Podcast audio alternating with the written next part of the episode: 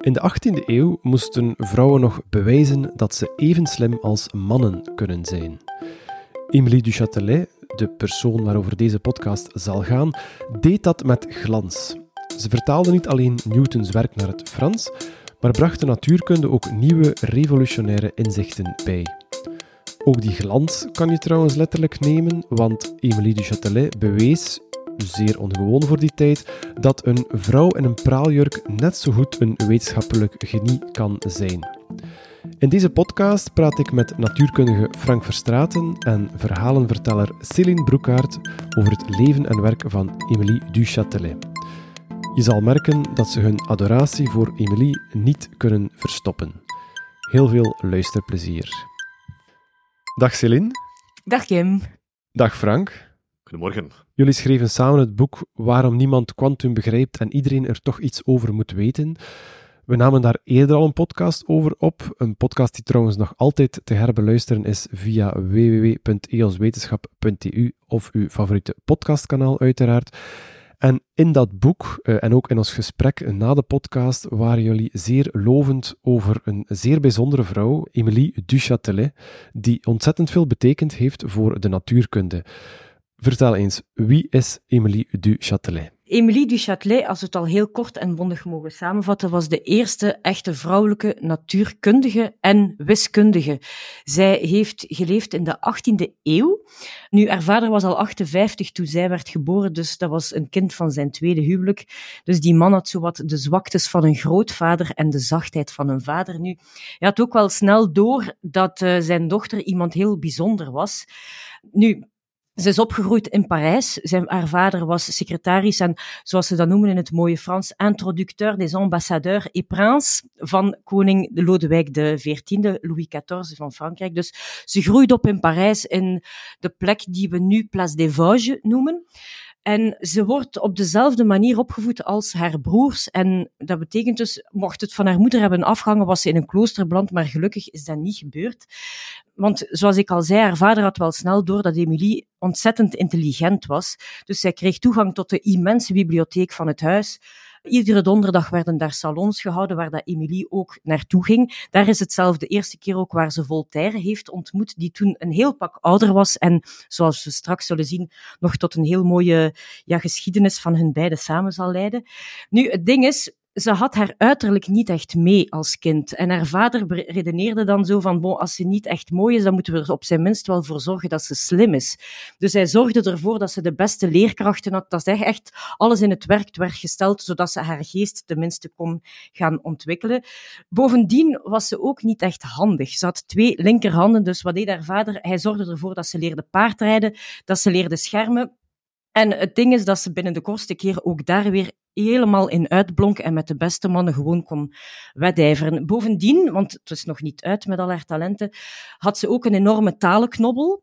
Binnen de kortste tijd sprak ze vlekloos Engels, Grieks, Latijn, Italiaans en ze heeft zelf op latere leeftijd in een paar maanden tijd nog Nederlands geleerd. Nu, dat was, ze dus echt een enorme liefde voor taal en voor literatuur. Maar waarom wilde ze ook graag talen kennen? Omdat ze heel graag las en omdat ze die werken liefst vanal in de originele versie wilde kunnen lezen, niet in een vertaling.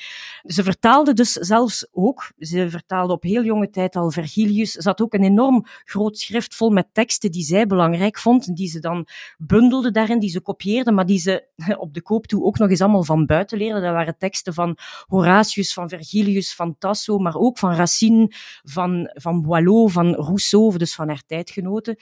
Ze had dan ook nog een enorme liefde voor opera. Uh, voor muziek, voor toneel. Dus kortom, als we het samenvatten, alles behalve breien en naaien. Zo die echte meisjesdingen, daar was ze helemaal niet voor te vinden. Maar haar echte hart lag uiteindelijk wel bij wetenschappen, bij wiskunde. Ze wilde de wereld kunnen begrijpen, dus ze was totaal geen society-dame. Ze was zich wel enorm bewust van haar stand en van de verplichtingen die daarbij kwamen kijken, maar het Hof dat bezocht ze meer omdat het een plicht was eerder dan uit plezier. Frank heeft ook nog een heel leuk verhaaltje misschien over het feit dat zij heel goed kon gokken. Dus omdat ze zo goed was in wiskunde, kon ze heel goed ook de mensen onder tafel gokken. Frank, misschien kan jij daar nog iets over zeggen. Ja, inderdaad, inderdaad. Dus op, uh, op, op latere leeftijd, omdat zij extreem is, zoals al, Celine al vermeld heeft, in alles dat ze deed, deed ze vol passie. En dus als ze hokte, was dat ook ongelimiteerd. En op die manier heeft ze gigantisch veel geld gewonnen. En als ze dan won, besteedde ze dat geld aan twee dingen. Mooie, prachtige klederen, maar ook aan boeken. En iedereen verklaarde haar natuurlijk als compleet zot. Wie is, welke vrouw is dat nu die haar geld besteedt aan boeken? Maar op een, moment heeft ze eens gigantisch veel geld verloren. En dan ja, moest ze dat op een of andere, of andere manier toch terug kunnen winnen. En dan heeft ze maar eigenlijk het principe van een optie uitgevonden. Dat is een van een heel ingewikkeld financieel instrument die tot op de dag vandaag enkel door hedge funds gebruikt wordt. Maar zij heeft dat gewoon uitgevonden om dat geld terug te verdienen. Succesvol. Dus het is maar om een idee te geven van haar genie, van haar originaliteit, van alles dat ze deed. Ja, dus nu, we zitten ondertussen op haar 19-jarige leeftijd en haar vader had zoiets van, wie wil er nu in godsnaam een vrouw die alleen maar leest? Want in die tijd, we spreken dus 18e eeuw, op 19 jaar, dat was een leeftijd waarop dat de meeste, meeste meisjes in feite al getrouwd waren, maar Emilie dus niet. Dus in feite, ja, ze is dan uiteindelijk uitgehuwelijkt geweest aan de Marquis du Châtelet. Die was afkomstig van de hoogste en de oudste adel van Frankrijk. Zij was 19, hij was ondertussen al 34. Ze hebben samen drie kinderen gekregen. Maar zo na die hele opvoeding en dat mama spelen, had ze het om den duur wel gehad. En ze dacht, oké, mijn moederplicht zit erop. Tijd weer nu voor mezelf. Want in die tijd ook, de mannen werden toegestaan om maîtresses te hebben. Dus zij dacht, als mannen dat mogen, waarom ik dan niet? Maar eerder dan maîtresses of, of amants, zoals we het kunnen zeggen, was zij op zoek naar mensen die haar intellectueel konden uitdagen. Die haar konden prikkelen, die haar creativiteit konden, konden, aanscherpen. En dat waren nu toevallig wel altijd wel mannen, omdat vrouwen in die tijd werd toegang tot onderwijs ontzegd. Zij mochten niet naar de universiteit gaan. Op dat vlak heeft zij wel heel veel geluk gehad. Dus nadat haar derde kind helaas was gestorven, hebben zij, hebben zij beslist van gescheiden te leven. Emilie leidde haar leven. Haar man was sowieso bijna altijd weg, want die zat op het front, die was legeraanvoerder, enfin, die, was, die was heel veel weg. En ze richt zich voortaan dus echt wel op studie. Ze zoekt dat intellectuele gezelschap. En ze wordt zich daar ook bewust van die tijdverspilling van de, de afgelopen jaren dat ze daarvoor heeft gehad. Dat ze bewust is van, ik heb zoveel tijd besteed aan mijn uiterlijk, aan mijn mooie tanden, aan mijn haar, aan mijn kledij, et cetera. Maar uiteindelijk heb ik mijn geest verloederd. En dat wil ze tegengaan. Ze beseft, het is op jonge leeftijd dat je moet studeren, want dan is je geest ontvankelijk, dan gaat het allemaal veel makkelijker. En hoe ouder dat je wordt, hoe moeilijker dat het wordt ook om dingen te gaan opsteken. En ze beseft ook dat ze ook, net als mannen, een denkend wezen is. Dat zij ook wel talenten heeft. En ze wil zich in die zin nuttig maken. Ze wil ook iets nalaten na de dood. Niet zomaar de salons gaan afschuimen, veel plezier maken en that's it. Ze wil echt iets kunnen betekenen voor de mensen die na haar gaan komen. Wat dan natuurlijk in die tijd niet zo makkelijk is voor een vrouw. Maar dus ze smijt zich met volle passie op lectuur. Ze leest alles wat er te lezen valt. Ze slaapt naar, als we het mogen geloven, slaapt ze maar twee uur per nacht. En op die manier komt ze dus in aanraking met echt de, de de intelligentia van die tijd ook. Dus dankzij het feit dat ze opgroeit in die omgeving van de noblesse en de salons, is het ook wel makkelijker om die mensen tegen te komen. Ze ontmoet mensen als een Richelieu, een Maupertuis, een Clairaut, later dan ook Voltaire. Maar daar zullen we het straks dus over hebben als we het hebben over haar liefdesleven. Want zoals dat gaat met passies, alles loopt over in elkaar en die dingen zijn nogal moeilijk van elkaar te scheiden. Ze wou veel als vrouw, hoor ik je zeggen. Ze bereikte ook veel. Maar in die tijd waren er waarschijnlijk nog meer vrouwen met gelijkaardige dromen. Hoe komt het dan dat Emilie du Châtelet wel kon doorbreken als vrouw? Wel, als ik, als ik daar mag op tegengaan, ik denk dat dat eigenlijk iets was dat vrouwen nog niet beseften dat ze konden. Dus, dus denken dat vele vrouwen daarvan droomden is fout. Zij was gewoon een ongelooflijke rebel. Zij is echt de eerste vrouw. Het is eigenlijk compleet zot, maar de eerste vrouw die zegt: Ik kan dat hier ook. Ik, sta, ik kan dat hier even goed als de mannen. dat was nog niet in de vrouwen opgekomen dat zij dat konden. En op dat vlak is zij natuurlijk iemand die een ongelooflijk rolmodel geweest is voor alle vrouwen later. En, we hebben het nog niet over gehad, maar ze heeft ook ongelooflijk straffe dingen gedaan in de wiskunde, in de fysica en veel andere dingen. Ja. ja, want als we het dan hebben over haar eerste belangrijk werk, nadat ze al jarenlang zo intens bezig was met die studie, aan het corresponderen was ook met de, met de belangrijkste wetenschappers van die tijd. Er werd op een gegeven moment een prijs uitgeschreven door de Académie des Sciences over het onderwerp was de aard van het vuur en de verspreiding daarvan. En dus ondertussen leefden ze al samen met Voltaire, want de meeste mensen herinneren Émilie du Châtelet misschien als de geliefde van Voltaire. Die hebben inderdaad 15 jaar lang samengeleefd. Maar dus, dus ze beseften op een gegeven moment dat doordat dat Voltaire ging deelnemen aan die wedstrijd. En ze was het ook op de meeste vlakken totaal niet eens met de visie van Voltaire. Dus ze bedacht van, als hij meedoet, waarom zou ik zelf ook niet meedoen? Het voordeel is, alle werken moesten anoniem worden ingediend. Dus wat heeft zij gedaan? Heel kort voor de indiendatum is zij terug als een gekkin daarop beginnen werken, maar telkens s'nachts. Omdat ze absoluut niet wilde dat Voltaire zou weten dat zij daar ook aan zou deelnemen. Dat maakt ook dat ze niet experimenten kon uitvoeren. Want als ze dingen zou nemen uit hun laboratoriumpje, dat ze toen samen ook hadden, dan zou je dat meteen merken. Dus ze moest het in feite doen met haar verbeelding, met haar creativiteit. En dat had ze wel, die gave van, van de verbeelding. En zo heeft ze echt een ganse theorie op papier gezet, waarin dat ze stelt, waar dat ze echt probeert ervan uit te gaan van wat als iedereen, wat als de ideeën van iedereen omtrent het licht nu een keer fout zouden zijn. Wat als licht geen massa heeft? Wat heeft dat dan van consequenties? Ze leidt er dan van alles uit voort. Als zijnde dat het was al gekend van Newton dat wit licht bestaat uit gekleurd licht. En dan, dan wilden ze proberen te testen van als al die verschillende kleurtjes nu ook een verschillende temperatuur hebben, maar dan moesten ze dat kunnen meten met thermometers, maar dat kon... Dus het was eigenlijk één groot hypothetisch werk. Ze dient dat in. Nog Voltaire, nog Emilie hebben uiteindelijk gewonnen. Dat was in die tijd Euler die met de prijs is gaan lopen. Maar ze hebben wel allebei een eervolle vermelding gekregen. En dat heeft haar, haar zelfvertrouwen enorm wel, opgekrikt. Vooral het feit dat dat gepubliceerd is natuurlijk. Ja, Zij is als eerste vrouw Ja. ooit, heeft ze een, een wetenschappelijke publicatie gehad in het meest prestigieuze tijdschrift in Frankrijk. En dat was natuurlijk iets dat, dat, dat ongezien was, dat een vrouw dat kon. Dat Mm. een vrouw, en dat heeft haar enorm veel zelfvertrouwen gegeven. Ja. Ze heeft wel een aantal experimenten gedaan. Hè. Dus de experimenten dat ze deed, was met verschillende kleren, met, met verschillende kleuren. Kijken welke kleur dat eigenlijk sneller opwarmt en daardoor dat sneller verdampt als je ze nat maakt en zo. Dus ze, heeft, ze deed echt wel ook experimenten, maar dat, dat werk dat zij had, was echt wel revolutionair. Dat was echt, zij was de als eerste, zij ging tegen eigenlijk de, de visie van Newton en, en, en zeker ook Voltaire, dat licht ergens bestond uit deeltjes met een massa. Ze heeft echt heel goede argumenten waarom dat dan niet zo kan zijn. En, en, uh, dus zij, zij, zij keek er niet van, zij keek er helemaal niet van terug om, om tegen de gevestigde orde te gaan. En dat is natuurlijk een grote constante in haar leven. En dat is exact de eigenschap dat je nodig hebt natuurlijk om een goede wetenschapper te zijn. Ja. Ja. Die, die experimenten, deed ze die aan een instituut of deed ze die, omdat ze daar bijvoorbeeld geweigerd werd, deed ze die thuis? Ah, wel, het is zo. Voltaire en Emilie hebben heel lang samengewoond, dus ze hebben elkaar ontmoet op het moment dat... Ze hadden elkaar al eerder ontmoet, maar de echte ontmoeting van belang is er gekomen nadat Voltaire twee jaar lang in ballingschap in het Verenigd Koninkrijk had doorgebracht. Hij had weer iets heel compromitterend geschreven, moest voor de zoveelste keer gaan vluchten. Hij komt terug naar Frankrijk, ze ontmoeten elkaar en Emilie stelt hem voor om zich samen te gaan terugtrekken in een kasteel dat haar toekwam, ook door haar man in Cirey. Dat is in de Franse Ardennen in Noord-Frankrijk. Mede Voltaire heeft daar ontzettend veel geld in geïnvesteerd. Ze hebben dat volledig terug opgekalfaterd. En in feite kan je dat beschouwen een beetje als de, als de huidige instituten.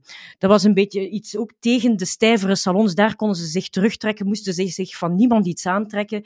Daar was echt plaats voor zelfstandig denken. Daar konden ze aan wetenschap doen zonder dat niemand zich stoorde. Daar werden constant mensen uitgenodigd van de hoogste stand. Dat was echt een, dat moet een formidabele plek geweest zijn. Ze hadden een bibliotheek met 21.000 boeken. En ze hadden ook een piepklein theatertje helemaal boven onder het dak. We zijn dat gaan bezoeken, dus waar dat Voltaire zijn stukken liet opvoeren, waar dat De helft van de keer ook in meespeelde. Maar ze hadden dus ook een laboratorium met microscopen, de beste, de beste materialen zaten Ja, dat allemaal daar. Ja, Voltaire, Voltaire was schatrijk. Voltaire was een van de rijksten van zijn leeftijd. Dus niet, niet, niet, niet door het schrijven, maar vooral omdat hij ooit, ja, ooit een loterij opgelicht had en daardoor eigenlijk schatrijk geworden was. En hij beschouwde, hij investeerde dat geld inderdaad in, heel veel in wetenschap. Dus hij zag in dat de verlichting voor een groot stuk er gekomen was door de inzichten van de wetenschappen. Door die inzichten, vooral mensen zoals Newton, die eigenlijk vooral, ja, dat wordt dan natuurlijk ook later de, de grote geld van, van het verhaal, ook van, van, van Emilie. Maar Newton heeft een ongelooflijke invloed gehad op de manier dat de mensen naar de wereld keken. Het feit dat de wereld kon verklaard worden, dat er ergens een mechanistisch beeld is, dat er wiskunde is die achter alles zit, dat je geen god meer moet inroepen waarom dingen elkaar aantrekken en zo. Dus dat was, dus Voltaire, die natuurlijk een van de grote figuren was van de verlichting, die had dat meer dan iedereen door, dat dat eigenlijk wel de essentie, dat dat superbelangrijk was. En hij wou zichzelf daar ook in verdiepen. Hij is dan Emilie tegengekomen en was ongelooflijk verwonderd van een vrouw tegen te komen die hem kon tegenspreken, met wie dat hij kon redeneren, met die hem kon challengen, hoe zeg je dat? Uitdagen. uitdagen. En dat is eigenlijk hun relatie, was dat zij elkaar continu uitdaagden. Dus dat, dat, dat leven in Syrië moet, moet echt fenomenaal geweest zijn. Dus die waren alle twee workaholics, die werkten alle twee op zijn minst 12, 14 uur per dag. Maar dan s'avonds kwamen ze helemaal opgetut en helemaal opgekleed in uh, een diner met al hun gasten en werd er uren nog gediscussieerd. De, ja, dat, moet, dat, moet, dat moet een gigant, een, een ongelooflijke verlichte sfeer geweest zijn. Dat was echt zo'n ja, een instituut avant, avant la lettre, waar, waar, waar alles kon, waar, ja, waar vrijheid niet... Er, er, was, er waren helemaal geen er werd niet gekeken naar, naar, naar, naar, naar, naar, naar religie, naar, naar wat dat, alles kon daar. Dus, dus dat was, was een van de vrijoorden waar eigenlijk de verlichting geworden is zoals ze nu is. Ja. We hebben al een paar inzichten, of jullie hebben al een paar inzichten die we te danken hebben aan Emilie du Châtelet besproken. Zijn er nog zaken waar, waar, jullie aan denken die we aan haar te danken hebben? Misschien ook invloeden die tot op vandaag nog doorleven? Ja, dus, dus, dus ik denk de, de grootste bijdrage van Emilie du Châtelet is dat ze dus dat ze, dat ze enorm op de hoogte was van alle werken die op dat moment gebeurden. En, en dus, dus de, de grote wetenschappers van het moment waren Newton, Leibniz, Bernoulli. Zij was eigenlijk de generatie daarna. En, en Descartes, zeker ook in Frankrijk. En de manier van denken, of de manier dat alle wetenschappers dachten, je moest Newton volgen in alles dat hij deed. En dat was het. Of Leibniz volgen in alles dat hij deed. Maar er waren duidelijk tegenspraken in die theorieën. En niemand wist goed wie er gelijk had. Er waren gigantische discussies. Maar juist omdat zij zo vrijgevochten was, zei nee, nee. Laten we gewoon een keer proberen al die theorieën samen te brengen. En ze heeft daar verschillende, dus zeker haar boeken, dat boek dat, dat Celine al over gesproken heeft, dat ze eigenlijk geschreven heeft over, over de institution de fysiek, is eigenlijk een boek die probeert een, of, en die erin geslaagd is om als eerste al die verschillende theorieën te combineren en eigenlijk duidelijk te maken wat zijn nou wetenschappen, hoe wordt de moderne wetenschap gedaan en waar gaat dat naartoe. En het fantastische in dat boek is dat ze eigenlijk zowel de technieken van Leibniz als van Newton verenigt met elkaar en daardoor tot gigantisch nieuwe inzichten komt. Dus zij stelt nieuwe vragen. Door dat te doen, komt er eigenlijk een hele nieuwe wereld open. Iedereen, zij beseft, nee, dat, iedereen heeft ergens wel gelijk. Laten we gewoon wetenschappen op die manier doen. En zij stelt de meest pertinente vragen, de juiste vragen. Zij zet alles op, ja, zij verwoordt alles op zo'n manier dat het, dat het veel duidelijker wordt, wat zijn nu de problemen? En, en op dat vlak heeft zij een gigantische invloed gehad op de volledige fysica van de volgende eeuwen. Zoals bijvoorbeeld zaken zoals, wat is energie? Dat was iets dat helemaal niet duidelijk was. Dus de adepten van Newton zeiden dat energie, of de enige constante, dat dat een soort impuls is. Dat is iets een massa maal een snelheid. Dus, dus ook Newton was daarvan overtuigd, dat is het enige dat constant is. Leibniz zei, nee, nee, nee, er is ergens iets, je moet massa maal de snelheid in het kwadraat doen, want dat is eigenlijk de vis viva. En, en het was helemaal niet duidelijk wie gelijk had. Zij doet dan experimenten. De, de, ze doet ook experimenten na bijvoorbeeld een heel belangrijke Nederlandse wiskundige, natuurkundige Schravenzande had experimenten gedaan met vallende ballen in, zand en kijken hoe diep dat ze gaan. Is, dat, is die kracht, is dat, hoe diep gaan ze? Is dat proportioneel met de snelheid, met de snelheid in het kwadraat? Zij doet al die experimenten nog veel beter na en zet alles op een rijtje, zodat dat eigenlijk de vragen juist worden. Zij stelt de juiste vragen en als wetenschapper vinden wij dat dat is inderdaad de essentie van goede wetenschapper. Een wetenschapper is iemand die de juiste vragen stelt. En dat heeft zij gedaan. En op dat vlak heeft zij een gigantische invloed gehad. En kan eigenlijk ook als een van de grondleggers van de moderne fysica gezien worden, omdat zij als eerste dat begrip van energie verstaan heeft, begrepen. Zij begreep, dat is hier de essentie, dat is hier het begrip dat we moesten snappen, dat we moeten verstaan. Ze heeft dat zelf, dat was zodanig, dat is een heel verwarrend begrip, want wat is energie? Vraag iemand om dat te definiëren, gaat zien, wetenschappers hebben daar zelf eigenlijk wel een beetje moeite mee om dat precies te definiëren. En inderdaad, het is niet moeilijk dat zij zij in die tijd dat nog niet helemaal niet kon. Maar ze heeft wel de grond ja, de, grond, de, de, de, grond, de grond gelegd om dat te doen. En dan een aantal jaar, jaar later is eigenlijk de eerste die het echt snapte. Dus eigenlijk twee jaar na dat boek dat Emilie geschreven heeft, Institut de Fysiek, heeft D'Alembert dan eigenlijk haar ideeën gebruikt om dat dan echt vast te bijtelen. En dan was het duidelijk, oké, ze hebben alle twee gelijk. Dus Emilie had eigenlijk gelijk. Dus, dus in die zin, zij was, ja, kijk, enorm, was, was, ja, ze is zo echt iemand die de moderne wetenschap in, als een van de eerste bedreef. Een tweede iets waar ze enorm beroemd voor is, is voor de vertaling van het belangrijkste werk in de fysica ooit geschreven, dat is de Principia van Newton, naar het Frans. Dus dat eh, de Principia was geschreven in het Latijn. Dat was heel moeilijk. Dat, de Principia, dat was eigenlijk, ja, omdat het zodanig revolutionair is, was er zo goed als niemand die het verstond. En dat zorgde ervoor dat er eigenlijk ook dat die theorie heel maar heel langzaam intreden vond in het denken van de moderne wetenschappers, want het was zodanig moeilijk. Wat zij gedaan heeft, is, ze heeft dat vertaald naar het Frans, maar veel meer. Ze heeft het ook volledig met commentaar, heeft er heel veel commentaar over geschreven, ook alles opnieuw afgeleid op andere manieren, op de manieren van de calculus. Dus de calculus, dus voor mensen die het weten, maar er was een gigantisch debat tussen Leibniz en Newton over calculus en wie, had het, wie was de eerste die dat gevonden had, maar zij trekt zich daar niets van aan. Zij gebruikt gewoon die calculus om ook alle resultaten van Newton af te leiden. En dan maakte het veel toegankelijker. En dat heeft ervoor gezorgd dat eigenlijk dat werk van Newton, dat, dat, dat ideeëngoed van hoe moet wetenschap gedaan worden, terug heeft zij dus eigenlijk, ze heeft een heel grote invloed daarop uh, gehad. En tot op de dag van vandaag is dat eigenlijk een van de absoluut, de, werken die dat mensen raadplegen om te verstaan wat wou Newton nu eigenlijk zeggen. Omdat dan natuurlijk heel veel van die ideeën zijn dan later, ja, herverwoord. Zo gaat het in de wetenschappen. Hè. Dus je hebt daar eens een nieuw idee, nieuwe ideeën, en latere generaties gaan dat op een, op een meer en meer gestroomlijnde manier formuleren, zodat het uiteindelijk helemaal niet meer duidelijk was waar, wat waren die oorspronkelijke ideeën. Dus als mensen willen verstaan, wat wou Newton eigenlijk zeggen, geschiedkundigen, die gaan niet terug naar Newton, omdat dat zodanig moeilijk en, en ook helemaal niet duidelijk is. Ze gaan terug naar die werken van Emilie, die eigenlijk volledig trachten te kijken wat wou Newton hier zeggen en hoe kan ik dat hier verwoorden op een veel betere manier. En daar is zij enorm, ja, heeft, heeft ze ook enorm wereldwijd eigenlijk, iedereen gebruikte haar vertaling om Newton te verstaan en op dat vlak was zij natuurlijk een enorme heldin. Heeft zij enorm veel invloed gehad op de volledige wetenschappelijke wereld. Ja, ik, ik hoor namen als, als Newton, Leibniz, Bernoulli. Waar plaats je Emilie du Châtelet in die Hall of Fame van de wetenschap? Daartussen. Absoluut, ja. Nee, nee, exact. Ik, ik denk dat zij meer dan de plaats daartussen. Dus, dus inderdaad, dus in de, in de, in de fysica, de, de, de moderne fysica, de, de, de absolute gelden zijn Galilei, mensen als Descartes, Newton, zeker Newton, dan ook Leibniz, Bernoulli, maar dan komt Emilie du Châtelet daar ook tussen. Dat zijn, die bouwen allemaal verder op elkaar. En dan mensen zoals D'Alembert, Maupertuis. Maupertuis die ten andere ook haar leraar was en ook haar amant op een zeker moment.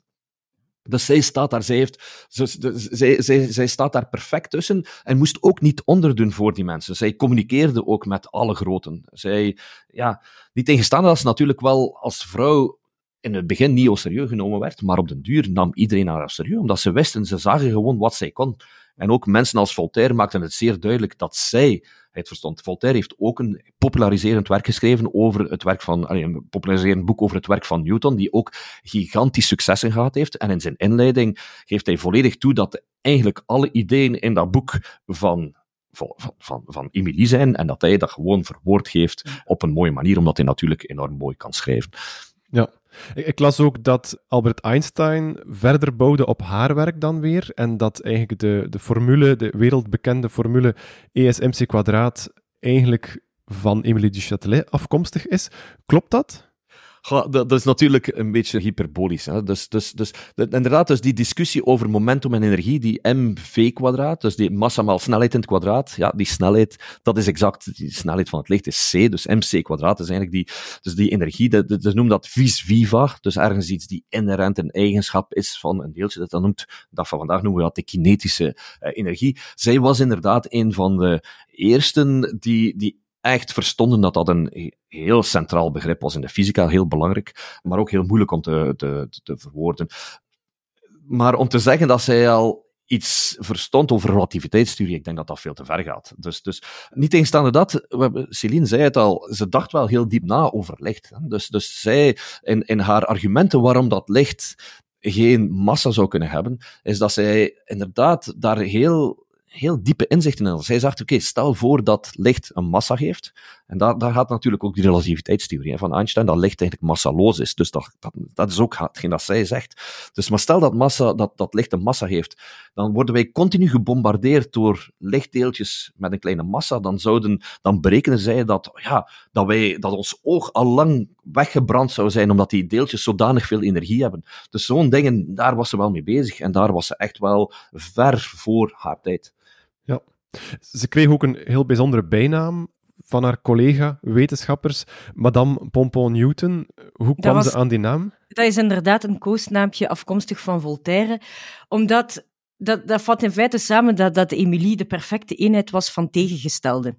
Zij kon op dezelfde dag en serieus zijn en heel speels, en sexy en heel slim. Dus aan de ene kant, aan de ene kant dat ze die gigantische passie voor meetkunde en voor natuurkunde, maar aan de andere kant dat ze ook een enorm hart voor franjes en voor juwelen. Dus ze was heel erg begaan met haar uiterlijk. En ze, ze soms, zat er soms mee in dat ze misschien niet vrouwelijk of verleiderlijk genoeg zou zijn, waardoor dat ze echt zich verloren in overdaad aan, aan juwelen en maquillage en veel pompons en veel frulletjes. Ze is in die zin zelf ook een beetje een trendsetter geweest van die mode met de heel diepe decolletés dat is iets wat dat zij heeft geïntroduceerd. Toen in de tijd, de andere vrouwen vonden dat alleen maar grote aanstellerij. Die dachten, ze doet dat alleen maar om indruk te maken.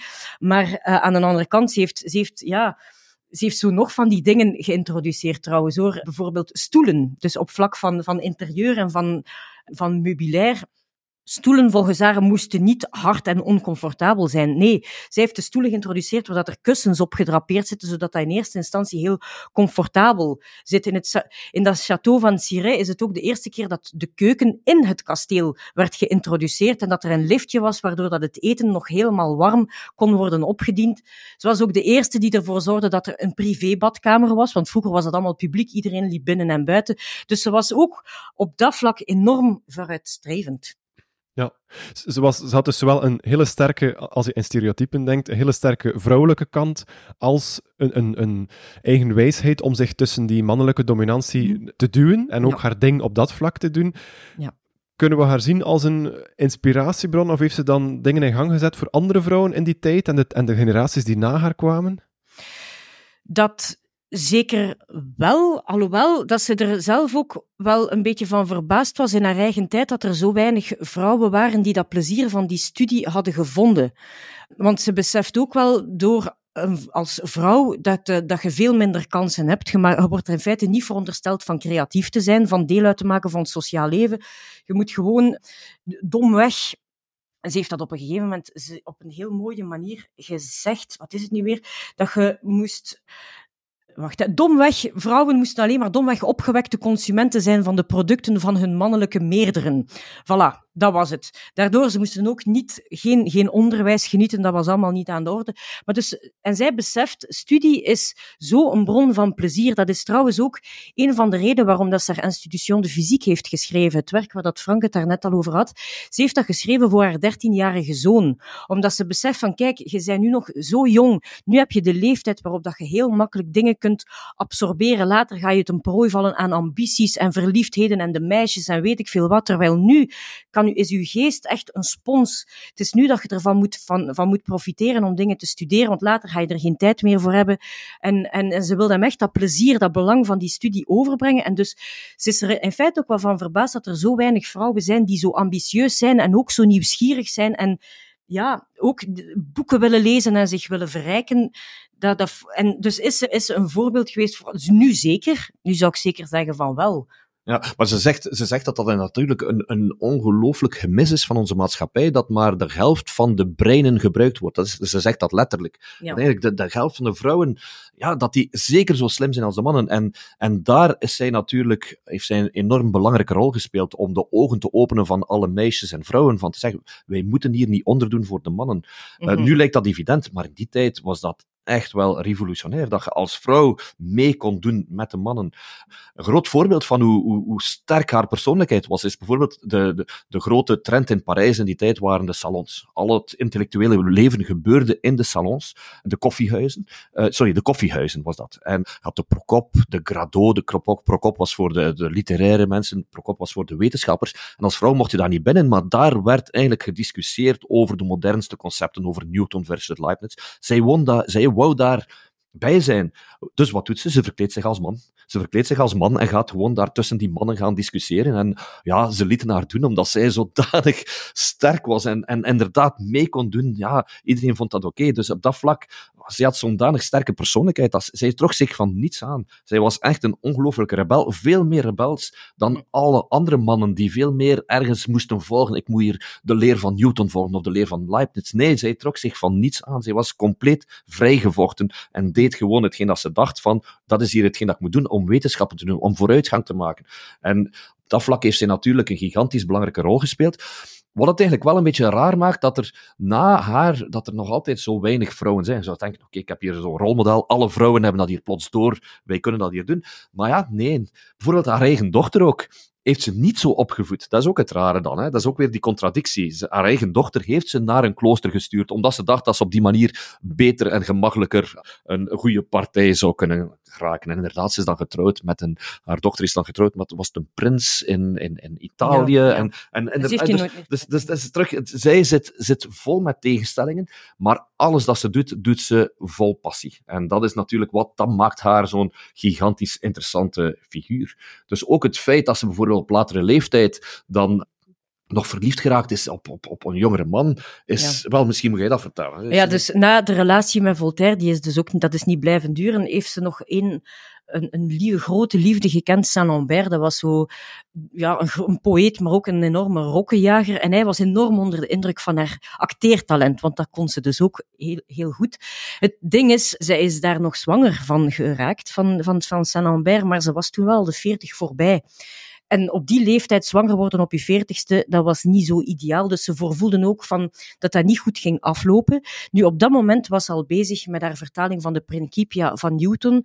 En zij is in die laatste weken en maanden echt bijna ononderbroken beginnen werken, s'nachts, overdag, bijna non-stop, omdat ze absoluut dat werk wilde afmaken, voordat ze dat er eventueel iets zou gebeuren. En helaas is ze ook, ze is bevallen van een dochter, maar heel kort daarna is ze dus wel gestorven. Ja, en dan is die Principia eigenlijk, dus zes jaar later, ja. dus heeft Voltaire ervoor gezorgd. Voltaire, ja, dat, dat was de grote liefde van zijn leven. Hè. Dus die heeft daar altijd blijven steunen en, en volgen, zelfs als ze niet meer samen waren. En hij heeft ervoor gezorgd dat dat gepubliceerd is. En dat, we hebben het er al over gehad, heeft een gigantische invloed gehad. Niet enkel omdat het een vertaling was van Newton, maar vooral ook omdat het heel veel nieuwe ideeën bevatte. Heel veel commentaar, honderden bladzijden commentaar van wat er eigenlijk toch niet 100% correct aan is en hoe dat het verbeterd kan worden. Hoe dat bijvoorbeeld de precessie van de equinoxen van de aarde, hoe dat dat moet berekenen. Staat er allemaal gigantisch ingewikkelde berekening dat zij deed. Hè. Dus zij, zij was, zij kon het technisch gezien, was zij echt wel, kon zij mee met de besten. Ja. Haar, haar bijdrages aan de wetenschap zijn misschien nog indrukwekkender als je weet dat ze zo vroeg gestorven is ook. Mm ja, dat is natuurlijk een heel jammere zaak, want dan vraag je je af wat dat ze niet nog kunnen, wat, dat ze, wat zou ze nog allemaal gedaan hebben mocht ze langer hebben geleefd. Dus dat is, dat is een heel jammere zaak dat ze zo vroeg gestorven is, absoluut. Ja, het rare wel in de wetenschap is dat, dat, dat, dat uh, de heel grote wetenschappers typisch hun, hun beste werk doen in een heel korte tijd. Kijk naar Newton, die heeft eigenlijk alles gedaan als hij 324 was. Dat hij, moest, hij moest vluchten van Cambridge, want er was de, de pest. En dan in twee jaar tijd heeft hij eigenlijk al zijn belangrijkste wetenschappelijke bijdragen gedaan. Dus, dus, dus op dat vlak is het, zijn wetenschappers wel... Het is, het is niet zoals muzikanten dat ze hun beste werk doen de keer dat ze ouder en matuurder worden. Wetenschappers doen typisch hun beste werk als ze jong zijn. Ja. Emilie du Châtelet was een zeer eigenwijze vrouw. Dat blijkt ook uit haar vele liefdesrelaties, waarvan er al een aantal namen gevallen zijn. Was ze ook een, een mannenverslinster?